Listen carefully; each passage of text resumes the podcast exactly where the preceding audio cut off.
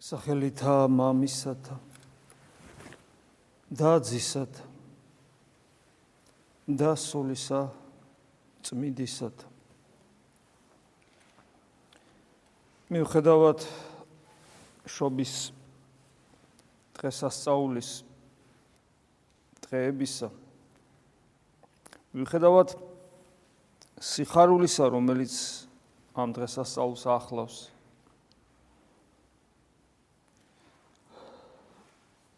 შეუძლებელია რომ ამ დღესასწაულს როგორც საერთოდ ქრისტიანულ განწყობას შეეფერება გარკვეული ნაღველიც არ ახლდეს. ანუ გლოვარება ერთგვარი რომელიც ღვთისე ღვთისაგან ნუგეშ საჭიროებს. გლოვარება იმის გამო რომ ღმერთი კი მოვიდა მაგრამ ჩვენ ნაკლებად ვიცვლებით.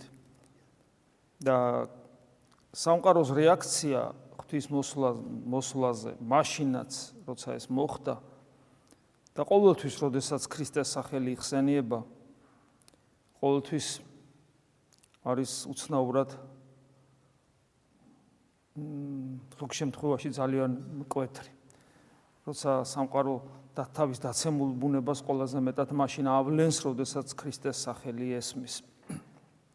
როგორც სიმონ მიმკმელი წინასწარმეტყველებს, რომ ეს მოვიდა მრავლის დაცემა და მრავლის აღდგინებისათვის და ისინი ვინც ეცემიან ძალიან ბევრნი არიან ქრისტეს სახელის ხსენებისას.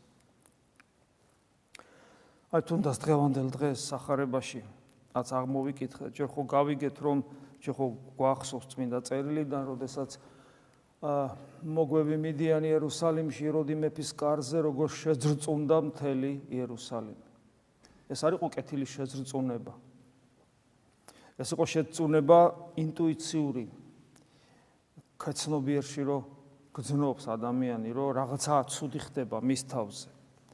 რომ არ უნდა, არ უნდა ღმერთის მოსვლა. აა და მის ტრაგედია, რომელიც ძალიან მალევე დატრიალდა, როდესაც უამრავი ჩვილი იქნა მოწყვეტილი იროდი მეფის ბძანებით, რომლებიც როგორც ანგელოსთა გუნდნი, როგორც მოწამენი, ქრისტესთვის მოწამენი შევიდნენ სასუფეველში. ღმერთი მოვიდა ჩვენთან იმ მოღვაწევა შემდეგ აღსდგა მკვდრეთი ჯვარცის მერე და ამაღლდა ზეცად. იესო მოვიდა, მაგრამ იესო არსად არ წასულა. მიუხედავად იმისა, რომ იგი როგორც ადამიანი აღსგა მკვდრეთით, იგი მაინც ჩვენთან იმყოფება, გახსოვთ მათეს სახარების მათეს სახარების ის ცნობილი სიტყვები, რომ მე თქვენ მე თქვენთანა ვარ ამ სამყაროს აღსასრულამდე. რა თქმა უნდა, მეც ჩვენთან იქნება, თუ ჩვენ მასთან ვიქნებით. ანუ იესო ძეგმერთი არის ჩვენთან. და აი აი ამ მგლოვარებას სწორედ ეს განაპირობებს. ვიცით რა რომ ჩვენთან არის? რამდენად განვიცდით და რამდენად გძნობს ჩვენ მას? რამდენად შობის სიხარული რომელიც უნდა განგვეცადა თუ განვიცადოთ ეგ კიდე საკითხია.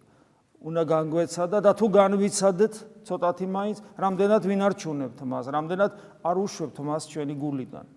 იმიტომ რომ ის ჩვენთან არის მაგრამ რამდენად ჩვენ მას განვიცდით აი პავლე მოციქული დღეს გვეუბნება, რომ ის რა сахарება რაც მე მივიღე, ესე ამბობს.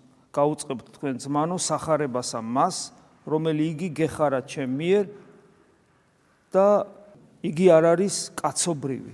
ანუ ადამიანისგან არ არის. რამე თუ არცა მე მიიღე მე მივიღე კაცის მიერ. ან ან ვისწავლე ადამიანისაგან, არამედ გამოცხადებითა იესო ქრისტესით.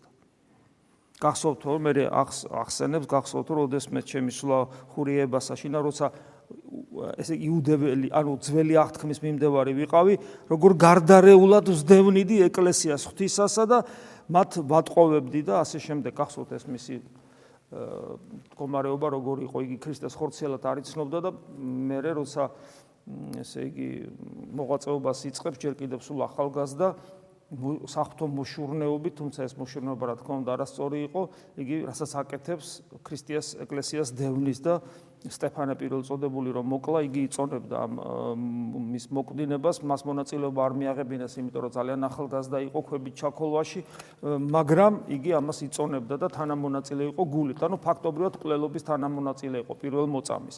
აი ამ მდგომარეობაშია პავლე მოციქული. და ამას ამ ამბობს, რომ მე ხო იცით როგორიც ვიყავი და აი ესეთი ვიყავი. და ამიტომ ჩემთვის არავის არ უსწავლებია. და არამედ პირდაპირ ღვთისაგან მივიღე. პირდაპირ ღვთისაგან მივიღე, იესო ქრისტესაგან მივიღე სახარებას. ხათაშორის პავლე მოციქული როცა თავის წერილებს წერს, მაშინ სახარება ჯერ დაწერილი არ არის. პავლე მოციქული ახალი აღთქმის წიგნებიდან პირველი არის სწორედ პავლე მოციქულის წერილები. ახალი სახარებების მე შემდგომში იწერება და ასე რომ პავლე მოღვაწეობას იწყებს, წერილებს წერს, თავის სიტყვებს, თავის მოღვაწეობას და რასაც წერს, სახარებას უწოდებს, ჯერ კიდე მაშინ როცა სახარება ეს ოთხი სახარება არ არსებობს. ამით რისი თქმა მინდა, რომ ის არა მარტო არათუ არიცნობს, არიცნობდა ქრისტეს ხორციელად. იგი მოციქულებსაც არიცნობდა, მაშინ, როდესაც მას ეხარა ქრისტესაგან და ქრისტეს მოწაფე გახდა. თუმცა კიდევ ერთი საინტერესო ნიუანსია, რაც ეკლესიას ეხება. მიუხედავად იმისა, რომ მას ქრისტე ეცხადება, იგი მაინც ჯერ ეკლესიის წევრი ხდება და მერე ხდება მოციქული. ნახეთ, მას ქრისტე ეცხადება, აა როცა ქრისტიანების დასარბევად მიდის, ამ გამოცხადებით ის ქრისტეს მოწაფე ხდება, მაგრამ ამის შემდგომ ჯერ ხდება ეკლესიის წევრი, ინათლება მღვდლის მიერ ეკლესიის წიაღში, ანუ ქრისტეს მისტიკურ სხეულში შედის და მხოლოდ ამის ხდება ამის მერე ხდება მოციქული. აქ კიდევ ერთხელ მინიშნება იმაზე, თუ რაოდენ დიდი მნიშვნელობა აქვს ეკლესიაზე, როცა ქრისტე ამბობს, რომ მე თქვენთანა ვარ. ეკლესია ქრისტე ეკლესია ჩვენთან არის ეკლესიის წიაღში, რომელიც მისი მისტიკური სხეულია. და აი ეს ინდივიდუალური გამოცხადება პავლე მოციქულისა, როდესაც ის ფაქტობრივად მერე ბუფალს მოციქულთა რანგში აყავს, არ ხდება გარდა მანამდე სანამ პავლე ეკლესიის ცოცხალი ორგანული ნაწილი არ გახდება ნათლისღები. ანუ მას ღდელი მონათლავს. ეს ძალიან მნიშვნელოვანია, რომ გვახსოვდეს, იმიტომ რომ ჩვენ საუბრობთ, რომ ქრისტე ჩვენთან არის დღესაც ქრისტეს რაც არ უნდა განვიცადოთ ჩვენ, აი გარი ხოლმე, რომ იცი რა მე გულში მყავს ქრისტე, გულში მყავს ქრისტე და ეკლესიის უარყოფა ხდება. რაც არ უნდა განვი, როგორც არ უნდა განვიცადოთ ჩვენ ეკლესია ქრისტე გულში, თქვა, რომ ძვენდოთ ამ ადამიანებს, რომლებიც ამბობენ, რომ გულში ყავთ ღმერთი.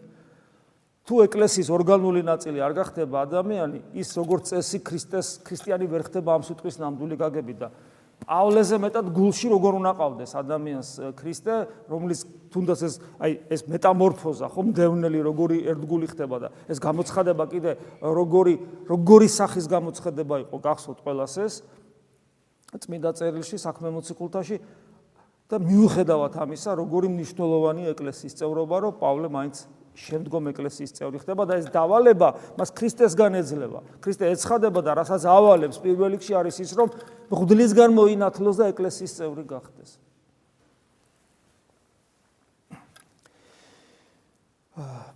და აი, როდესაც ჩვენ ზეიმობთ ქრისტეს შობას, მე ვფიქრობ, ყველა ჩვენგანს ეს ზეიმი ამ ზეიმის ზეიმურობაში და სიხარულში, რომელსაც მთელი სამყარო განიცდის, მიუხედავად მათი აქტიური სულიერი ცხოვრებისა ან არ ცხოვრებისა საოცარი მადლი ეფინება ამ დროს სამყაროს მიუხედავად იმისა თუ როგორ მდგომარეობაში ადამიანი ეკლესიასთან კავშირი აქვს თუ არა აქ თელი სამყარო განიცდის და ჩვენც ეკლესიის წევრები განვიცდით საშობაო სიხარულს იმიტომ რომ ღვთის მადლი განსაკუთრებულად მოეფინება მაგრამ ეს არ არის საკმარისი იმისათვის რომ ჩვენ ეს სიხარული და მადლი შევინარჩუნოთ საჭიროა ამავე დროს ღვაწლის დაწყება და ეს ღვაწლი მოწამეობრივი ღვაწლია.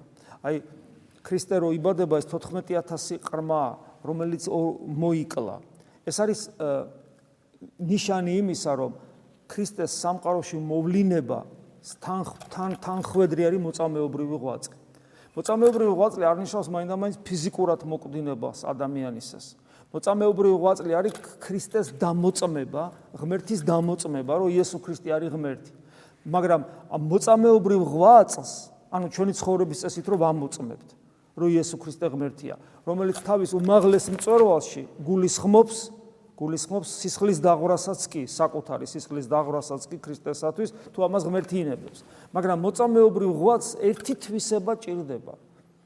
რომელსაც თანამედროვე ღვთისმეტყველები აჟღერებენ ხოლმე. ეს არის ეს არის ბავშვური ჩვილებრივი უმანკოება შინაგანი და ბავშვური ბავშვის მიერ აღქმა ქრისტეს როგორც უფალი ამბობს თუ არ იქნებით ვითარცა ბავშვი ვერ შეხვალ სასუფეველში. ბავშვური გულწრფელობით სიალალით უზაკველობით უბრალოებით სიმგაბლით მიღება იესო ქრისტესი როგორც ღმერთის. და სწორედ ამიტომაც ეს თანამედროვე ღვთისმეტყველები ამბობენ რომ ეს პირველი მოწამეები იმიტომ იყვნენ ღმერთის განგებულებით ჩვილები ჩვილები რომ ამით ამით უფალმა გვითხრა გვიქადაგა რომ მოწამეობრივი ღვაწლი ანუ ქრისტეს ღმერთობის დასტური მოწმობა ამ სამყაროში შესაძლებელია მხოლოდ იმ ადამიანების მიერ რომელსაც ბავშვური სიწმინდე უმანკოება გულწრფელება სიალალე უზაკველობა, ურისხველობა და სიმდაბლე და მორჩილება გააჩნიათ. და ჩვენ სწორედ აი ამის დეფიციტს განვიცდით რა, იმიტომაც არის, იმიტომაც არის, რომ ვერ ვინარჩუნებთ იმ სიხარულს, რა სიხარულიც უნდა გქონდეს ჩვენ შობის დღესასწაულის დღეებში და საერთოდ, როგორც ქრისტიანებს. ბევრი რამ არის საინტერესო, აი მაგალითად დღევანდელ სახარებაში. ადრეს მე მიგანიშნე და ეხლაც გავიმეორებ. ესე იგი იოსები, იოსები და ყოვლადწმინდა ღვთისმშობელი. ბოლომდე, ბოლომდე შეიძლება გაცნობიერებული ვერ აქვთ, რა საიდუმლოებასთან აქვთ საქმე, როცა ღმერთი განკაცდა. მაგრამ ის რომ ღვთის განგებულება ჩარეულია და ამ განღვთის სამყაროში უკვე ძეღვთისა შემოვიდა და თვითონ რომ უშუალო მონაწილენი არიან აი ამ დიდებულებისა ღმერთის განსაკუთრებულად სამყაროში შემოსვლის უშუალო მონაწილენი რომ არიან ეს ძალიან კარგად იციან თუმცა ბოლომდე ვერაცნობიერებენ ეს ღმერთის ამ სამყაროში შემოსვლა და ძეღმერთის განკაცება რამ წვერვალს უკავშირდება რომელიც წვერვალსაც ვერ მიაწვდენ თვალს რომ განკაცებულია ის ვინც მათ мама პაპას ელაპარაკებოდა ძველ აღთქმაში განკაცებულია ის ვინც მოსეს ეუნება რომ მე ვარ მარადიული არსება, განკაცებულია ის, ვინც ა ブラ ამს ეცხადება, განკაცებულია ის, ვისაც ებრაელები მათი წინაპრები გამოყავთ, გამოყავს ეგვიპტიდან ესე იგი წითელი ზღვის გავლით. აი ის არის ზუსტად განკაცებული, სამყაროს შემოქმედი. აი ამის ამის განცდა და აღქმა ბოლომდე ჯერ მათ არ აქვს. მაგრამ მიუხედავად ამისა, მათ იმის აღქმა, წოდნა და განცდა, რომ რაღაც დიდებულება მოხდა, ღმერთი განსაკუთრებულად შემოდის სამყაროში და ისე რომ როგორც არასოდეს არ მომხდარა, აღთქმული, ისაც აღთქმული იყო, ის ის რეალიზდება და ხორციელდება და ამ ყველაფერს თანამონაწილეები თვითონ არიან. და უცებ, უცებ. ისინი უნდა გაეცალონ იროდის რომ არ მოკლას მან განკაცებული ძეღმერთი. წარმოგიდგენია და ამ ამ ამ ბრძანებას, რომელიც ანგელოზგან მიიღო, უდრუტვინველად ემორჩილება იოსები. რატომ არის ახლა საინტერესო? იმიტომ რომ და აქ ჩანს იოსების სიმგაბლე განსაცვიფრებელი სიმგაბლე, რომელიც ვლინდება მორჩილებაში, იმიტომ რომ ჩვეულებრივად რიგითი ნომინალური ქრისტიანი, ისეთი როგორც ჩვენ ვართ, მეტნაკლები ხარისხით. იმ წამსვე გააპროტესტებდა. რაო, იროდი მოკლავს ჩვენ, რას ლაპარაკობ? ღმერთი ჩემთან არის და იროდმე, იროდი რა უნდა მიქნას. და ეს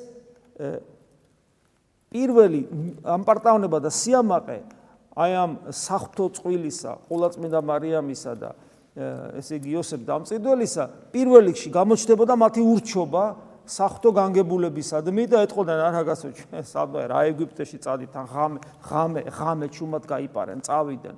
რა ღამე სად გავიპაროთ? ღმერთი ჩვენთან არის. ეს ძალიან მნიშვნელოვანია რომ გვახსოვდეს იმიტომ რომ აი აი სიფაქიზე ერთის მხრივ რომ ღმერთისგან აბსოლუტურად დაცულები ვართ რომ ერთი ღერით მარ ჩამოვარდება ჩემი თავიდან და მეორეს მხრივ ღვთის განგებულებისადმი მორჩილების აი ეს უფაქიზესი განცდა სიმდაბლით აი ეს ეს არის ის ის არის ეს ფაქიზი გასასვლელი ეს ვიწრო ბეწვის ხიდი რომელსაც ქრისტიანი უნდა გადიოდეს. ოდესაც ქრისტიანში ქრისტიანობაში ეს ირღვევა, ეს ირღვევა. იმ წამს ადგილი აქვს ფანატიზმს, ფანატიზმ, რომელიც დამანგრეველი ადამიანის სულიერი ცხოვრებისათვის. მაგალითად, არის ესეთი გამონათქვამი, რომ ეკლესია არის ქრისტეს მისტიკური სხეული, რომელიც ჩვენ გვიცავს და გვაცხოვნებს და ჩვენი დასაცველი ეკლესიას არაფერი აქვს. ლოგ სწორია, სწორია. აბსოლუტურად სწორი თეზისია. იმიტომ რომ ეს იგივეა, რომ ეკლესია მიცავს მე, ეკლესია ეკლესია მაცოცხლებს მე, ეს იგივეა, რომ ქრისტე მიცავს მე და მაცოცხლებს მე. ეს არის აბსოლუტურად სწორი თეზისი, საფრთხის მეტყველება.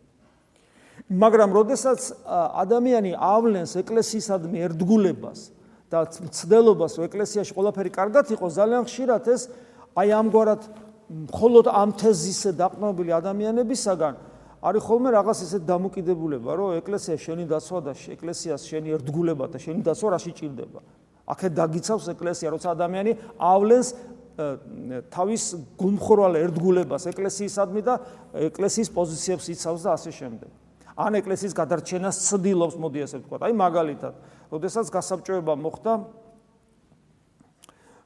საბჭოთა კავშირში, რუსეთში, რომლის ნაწილიც ჩვენ ვიყავით. ჩვენ ვიცით, რომ საშინელი დევნა იყო მაშინ რუსეთში და საქართველოსში ეკლესიისა. საშინელი დევნა, წარმოუდგენელი, აი რომის იმპერიის დევნას თუ შეადრი, უბრალოდ რომის იმპერიის დევნა 300 წელი გრძელდებოდა და აქ გრძელდებოდა დაახლოებით, ну 70 წელი მთლიანობაში, მაგრამ განსაკუთრებული სისასტიკით სადღაც 40 წელიწადი გრძელდებოდა.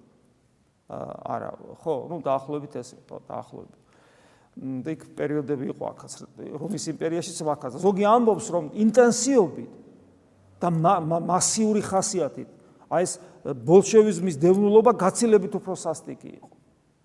და ნაწილი იერარქებისა, ნაწილი იერარქებისა, ესე იგი გარბის უცხოეთში და ნაწილი იერარქებისა რჩებიან ქვეყანაში, რუსეთში მთლიანად და საქართველოსშიც და გარკვეულ თანამშრომლობას იწებენ უღმერთო ხელისუფლებასთან იმისათვის რომ ეკლესია ნაკლებად დაზიანდეს.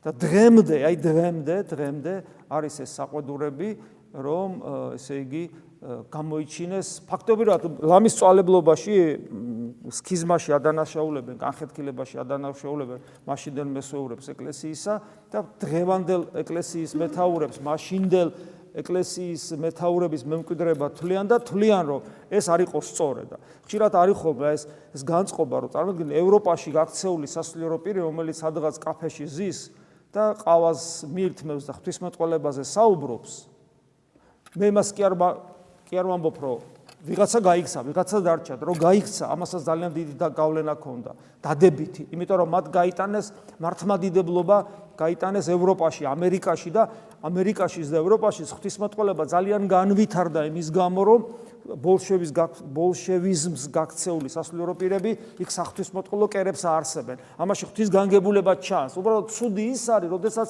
მე ისინი განიკითხავდნენ დარჩენილებს, იმიტომ რომ მაშინ როდესაც ისინი ყავაჭიქაზე ღვთისმეტყველების საკითხებზე საუბრობდნენ, აქ ესენი ყოველ დღეს სიკვდილს უყურებდნენ თვალებში. და გარკვეულ ლოიალობას იჩენენ უღმერთო ხელისუფლებისადმი, რომ სრული განადგურება არ მომხდარიყო. ეს სწორი იყო თუ არასწორი იყო, ღმერთმა უწყის, მაგრამ განკითხვის უფლება არ აქვს იმ მოტივით, რომ თითქოს ესე იგი უნდა ბოლომდე ბოლომდე შეასკდეკლდეს თავით. იმიტომ რომ აი ეს დღევანდელ სახარებაში ზუსტად ეს არის რომ შეელო აი ამ ამ ამ ლოგიკით იოსებს ეთქვა რომ ღმერთი ჩემთან არის და სად უნდა წავიდე რებს მელაპარაკები არსადაც არ წავალ. აი ღმერთი ჩემთან არის და ვერაფერს ვერ დამაკლებს იროდი დააკლებდა იროდი იესოს რა თქმა უნდა ვერ დააკლებდა იმიტომ რომ უფალი ჩვენი მხოლოდ მაშინ ეცმევარ ჯვარს როცა ის გადაწყვეტს ეს სახარებაშივე ჩანს, მაგრამ ამავე დროს ამასთან ერთად, ამასთან ერთად უფალი პატარა ჩვილი უფალი იოსების და მარიამის ხელით განერიდება განსაცდელს. და აი ამ განსაცდელს გაურბის იოსები ისე რომ ბრუნდება და იროდის შვილი რომ მეფობს, იმისით შეეშინდება, ეხლა იმის შვილი მეფობს, ეს არანაკლები იქნება პრისისხლიანი და ეხლა ამან არ მოგვიღოს ბოლო და მე კიდე ესე იგი ნაზარეთში მკვიდრდები. ეს დამოკიდებულება რომ თან ღმერთის იმედი გაგბოლომდე, ისე რომ ერთი ღერი ჩათმარ ჩამოვარდება შენი თავიდან და თან რომ სიფთხილეს ავლენ, ეს არის ქრისტიანული ნორმალური მდგომარეობა ადამიანის. ეს მაგალითად გამვლინდება დღევანდელ სიტუაციაში, როდესაც ეს ავად სახსენებელი კორონავირუსია. ჩვენ ვიცით ძალიან ბევრი მაგალითი, როდესაც ყველა სამედიცინო ესე იგი რეგულაციებს ზოგჯერ ქრისტიანები ვებძოდით, არაფრად არ მიგვაჩნდა არც სახელმწიფოს გაფრთხილება, არც სამედიცინო რეგულაციების გაფრთხილება, იმ დონეზეც კი რომ პირბადის ტარებაც კი არ გვინდოდა და ეს ხშირად ვლინდება ხოლმე. როცა არ ვფრთხილობთ, მაგალითად პირბედა პირბადეს სწორედ გვეკეთოს, ამასინათაც მოხდა შობის დღესასწაულზე თუ არ ვსვები, უცხო ადამიანები მოსულები ზოგიერთი როგორ აპროტესტებდა, როცა ჩვენი სტიქაროსნები მათ პირბადის გაკეთებას თხოვდნენ. ეს უბრალოდ ანტიქრისტიანული მოვლენა, როცა ადამიანი ასე იქცევა, როცა ის სიფთხილეს არ ავლენს, სიფთხილეს არ იჩენს. იმის გამო, რომ ქრისტე ჩვენთან არის და ისე უნდა გვეშინოდეს, რა პირბადე, რა რა ესე იგი, რა სიფთხილე, რაში მჭirdება ეს, როცა ქრისტე ჩვენთან არის. და იოსები როგორ იქცევა? სახარება რას გვასწავლის? აი ეს ამპარტამნული სული, ამპარტამნული სული არის მიზეზი. სხვადასხვანაირად გამოხატული. მე ხლა ასე თქვით, რომ ამაში ამაშიც რო ვლინდება ხოლმე. და ამავე დროს ბევრ ამაში ვლინდება. ჩვენ შეიძლება პირბადეს კარგად გვეკეთოს და სამედიცინო რეგულაციებსაც ვიცავდეთ და სახელმწიფო რეგულაციებსაც, მაგრამ ამ პარტავნები სხვა რამეში ვიყოთ. ეს არის ეს სულია, ამ პარტავნული სული, რომელიც ვერ გძნობს ვერ გძნობს. უკიდურესად დამდაბლებულ ღმერთს შემსგულში. ვერ გძნობს. ვერ იგებს. ამიტომ ვერ ვინარჩუნებთ იმ სიხარულს, რომელიც შობის დღესასწაულს გვეძლევა და გვენიჭ. მიზეზი ეს არის. ამიტომაც ღვთის განკაცება სიხარულთან ერთად აი ამ ნაღლიანობასაც ატარებს. მოვიდა და ვერ ხედავთ. განგვაცთეინა თავი და ვერ ვინარჩუნებთ. სიმდაბლეს გვასწავლის და ამ პარტავნებით პასუხობთ. ასე რომ თუ ჩვენ გვინდა რომ ჭეშმარიტად ქრისტიანები ვიყოთ, უნდა ძალიან ძალიან გავიფაქიზოთ სული და გავიაზროთ ღმერთი რომ მოვიდა, რა თვისებები გვიჩვენა, როგორები უნდა ვიყოთ, როგორები უნდა ვიყოთ.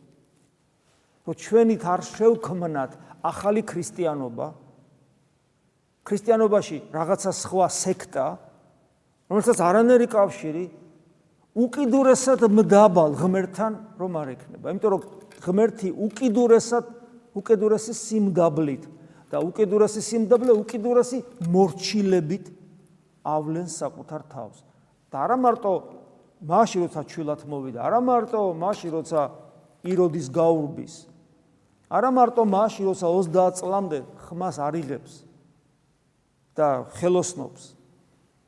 არა მარტო მაშინ როდესაც ბოლომდე მორჩილება უკეთურნებას ადამიანებისას და ჯვარზე ადის და საშინლად საშინელი შეურაცხყოფით ნაფურთხი და ნატანჯი და ასე შემდეგ კვდება არა მარტო მაშინ.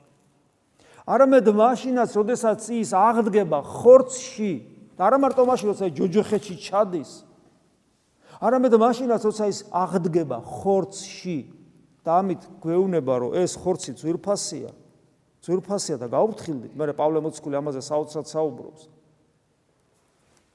არა მარტო მაშინ როცა ის ხორცში აღდგება არამედ მაშინაც როდესაც ამაღლდება ხორცითაც და ხორცს აღიყვანს ყოვლადწმინდა სამების წიაღში და დასვავს მარჯვენით მამისა და კანუ განაღმრთობს და განადიდებს ბოლომდე ადამიანურ ხორციელ ბუნებას. და არა მარტო მასში, როცა ხორცით ამაღლდება, არამედ მასში, როდესაც მეორედ დაბრუნების იგავურ სახეს გვთავაზობს და გვეუბნება რომ მოვალ, რომ მოვალ. აქეთ მოგემსახურებით ფეხებს დაგბად ლუკას ახარებაში კარგად არის ეს აღწერილი. რომ მოვა და კიდე ფეხებს დაგუბას. კიდე მოგვემსახურება. და ეს რას ნიშნავს? ეს ნიშნავს იმას, რომ ღმერთს ახლა რა შეჭirdება ადამიანური ბუნება? რა შეჭirdება? ამ ადამიანურ ბუნებას ჩვენთვის ინარჩუნებს. რომ ჩვენ ტკივილებს ფეხზე წამოუდგეს, როგორც სტეფანეს წამოუდგა. ნახეთ, სტეფანეს როცა აწამებენ პირველ მოწამეს, ფეხზე წამოუდგა, მაგრამ იმ ტკივილებისაგან, იმ ქვის ჩაქოლისაგან არ გადაურჩენია. მაგრამ ფეხზე წამოუდგა. აი, აქაცა ეს საოცარი სიფაქიზე, ჩვენი სავალდებულო სიფაქიზე ჩვენი რწმენისა, რომ ჩვენ რო განსასწრებელი და ტკივილები გვაქვს, შეიძლება იმ ტკივილიდან აი შე რო გინდა ეგეთი გათავისუფლება ვერ ნახო, მაგრამ უცებ ქრისტე ფეხზე წამოგიდგება, თუ შენ ღირსეულად ქრისტეს მიერად, ქრისტეს სადიდებლად ქრისტეს ღმერთობის დასამოწმებლად ითმენ ამ ტკივილებს და ფეხზე წამოგიდგება. და ამ დროს ის ტკივილები შენ შეგრჩება, დაგრჩება. და ეს იქნება შენი გამყვანებელი მარადულ სიცოცხლეში მიმყვანებელი ღვთის სასופევლის კარამდე. ამიტომ ჩვენი რწმენა ძალიან ბევრ ნიუანს შეიცავს, რომელიც ჩვენ შიგნით უნდა დავინახოთ, უნდა გავიაზროთ, გავითავისოთ და ნუ შევქმნით ჩვენს რელიგიას, ჩვენს სარწმუნოებას, წარმართობაში და რაღაც უბედურებაში აღრეულს. პავლე მოციქულს, რომელსაც сахарება დაწერილი აქვს сахарებამდე, რომელსაც არ უსწავლია კასისგან და ღმერთისგან მიიღო ის იმას ის როცა ამბობს რომ მე ჩემ ჩემში ვატარებ ქრისტეს როგორც სიცოცხლეს ამავე დროს იგივე პავლე ამბობს რომ მე ვატარებო ჩემში ქრისტეს წყლულებს. და აი ეს ორივე ორივე წყლული ანუ ტკივილი და სიცოცხლე ანუ სიხარული ორივე სტარება არის აი ეს ფაქიზი ფაქიზი ზღვარი რომლის გადახვევა არც მარჯვნივ არ შეიძლება და არც მარცხნივ. ის ის ბეწვის ხიდია რომელზეც უნდა გავიაროთ. ეს ის ვიწრო და ეკლიანი გზა რომელზეც რთულია სიარული და ის ვიწრო კარიბჭია რომელსაც უნდა ჯერ უნდა ვიპოვოთ და მე უნდა შევიდეთ. და ძალიან ნიოლია გამოიგონო ახალი ქრისტიანობა ქრისტიანობაში. და ჩვენ ამას ვაკეთებთ მუდამ ვიგონებთ ქრისტიანობას. სხვა ქრისტიანობა გვაქვს ჩვენ ეს. და ეს ძალიან მტკივნეულია თითოეული ჩვენგანისთვის და ძალიან მტკივნეულია მთელი ერისთვის. იმიტომ რომ ქართველი კაცი როცა ალილოს ზეიმობდა სოფელში სადღაც და ხან რაღაცებს იქ აცხობდნენ ტრადიციულად და ზეიმობდნენ იგივე ქართველი კაცი მე ხმლით სამშობლოსათვის კვდებოდა ბერები მონასტერში ლოცვით კვდებოდა როგორც თამარი მეფე მოკვდა ლოცვით იმიტომ რომ მან ლოცვით ღვაწლში დაასრულა თავისი ახალგაზრდობა ძალიან მალე. როცა მისი ჯარი ბასიანზე, ბასია ბასიანი დიდგორზე ნაკლები კი არ არის. ბასიანის ომი ეს უბრალოდ გონებაში არ ეტევა, რა, მაკედონელი რო იგებდა, რაღაც ეგეთი ომებია რა, საოცარი ბასიანის ომი. და ეს რის ხარჯზე ხდებოდა? მათ შორის იმის ხარჯის ხალობა, რა თქმა უნდა, ღვაწლი და მათ შორის შრომის, ხმლის ერთგულების, პატრიოტიზმის, სიყვარულის და მათ შორის ლოცვის და რომლის ერთ-ერთი მამათმთავარი, ამ ლოცვის მამათმთავარი თამარი იყო. როცა ისინი იბრძოდნენ ის სივრსენაკებში დღედაღამეს ათენებდა, რითაც დაავადდა და გარდაიცვალა. და აი როცა ჩვენი წინაპრები ალილოს ზეიმობდნენ, ამის პარალელურად ყოფაში ისინი უფაქიზესად ერთგულებდნენ იესო ქრისტეს. და ჩვენ კიდე ჯერ ვერც გაგვიგია ქრისტიანობა რა არის. მე ესე იგი ვებძვით ეკლესიას და ამით ქრისტეს ვებძვით ისე რომ ვერც კი ვხვდებით. ეკლესიას ვებძვით გარედანაც, შიგნიდანაც. ვერც კი ვერ ხვდებით რომ ქრისტეს ვებძვით.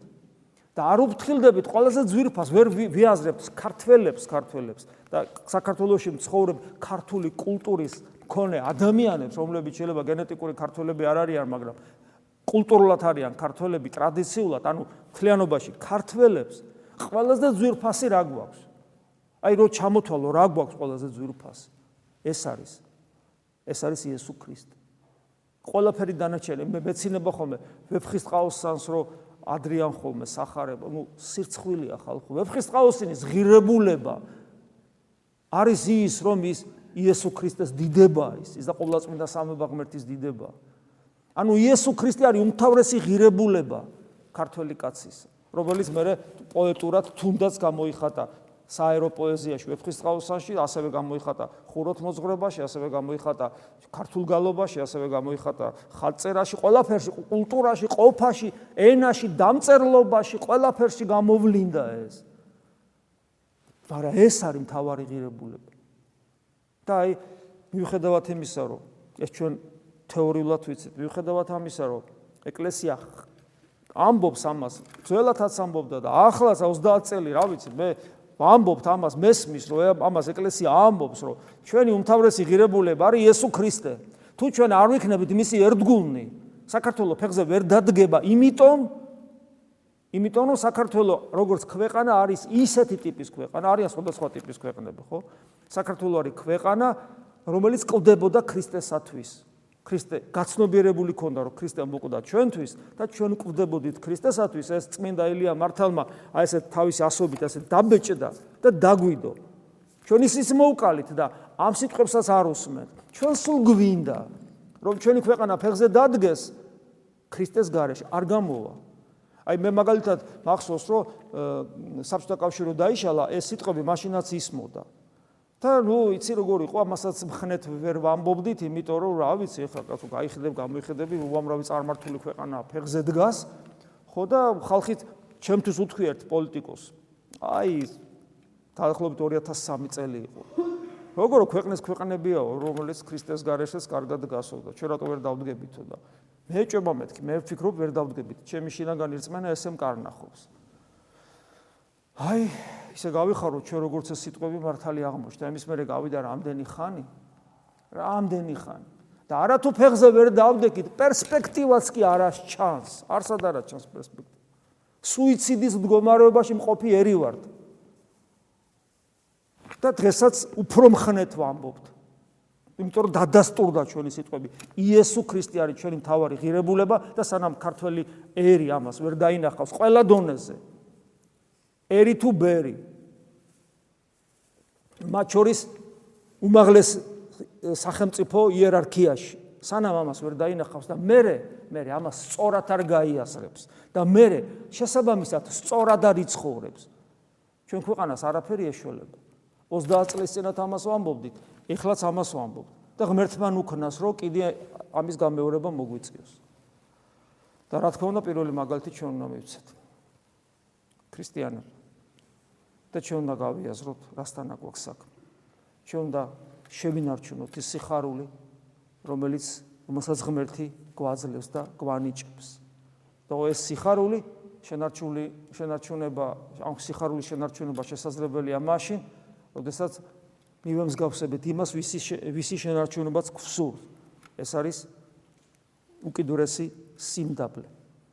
ეს ისწავლება ეს მადლით მოიხვეჭება, მაგრამ ამას ჩვენ მხრიდან ბევრი შრომა ჭირდება. მაგრამ ამ შრომასთან სიხარული ახლავს, რომ ეს შინაგანი ეს გლოვარება, რომელიც გვაქვს წესით ქრისტიანებს, იმიტომ რომ გვინდა ეს სიხარული და ვერა გვაქვს, ეს გლოვარება აუცილებლად ნუგეშინისებით, ანუ სიხარულით დასრულდება და განსრულდება. ესე გვასწავლის უფალი ჩვენი იესო ქრისტე. ამინ. მადლი უფლისა ჩვენისა იესო ქრისტეს. და სიყვარული ღვთისა და მამის და ზიარება სული საწმინდისა იყოს თქვენ ყოველთა თანა. ამინ.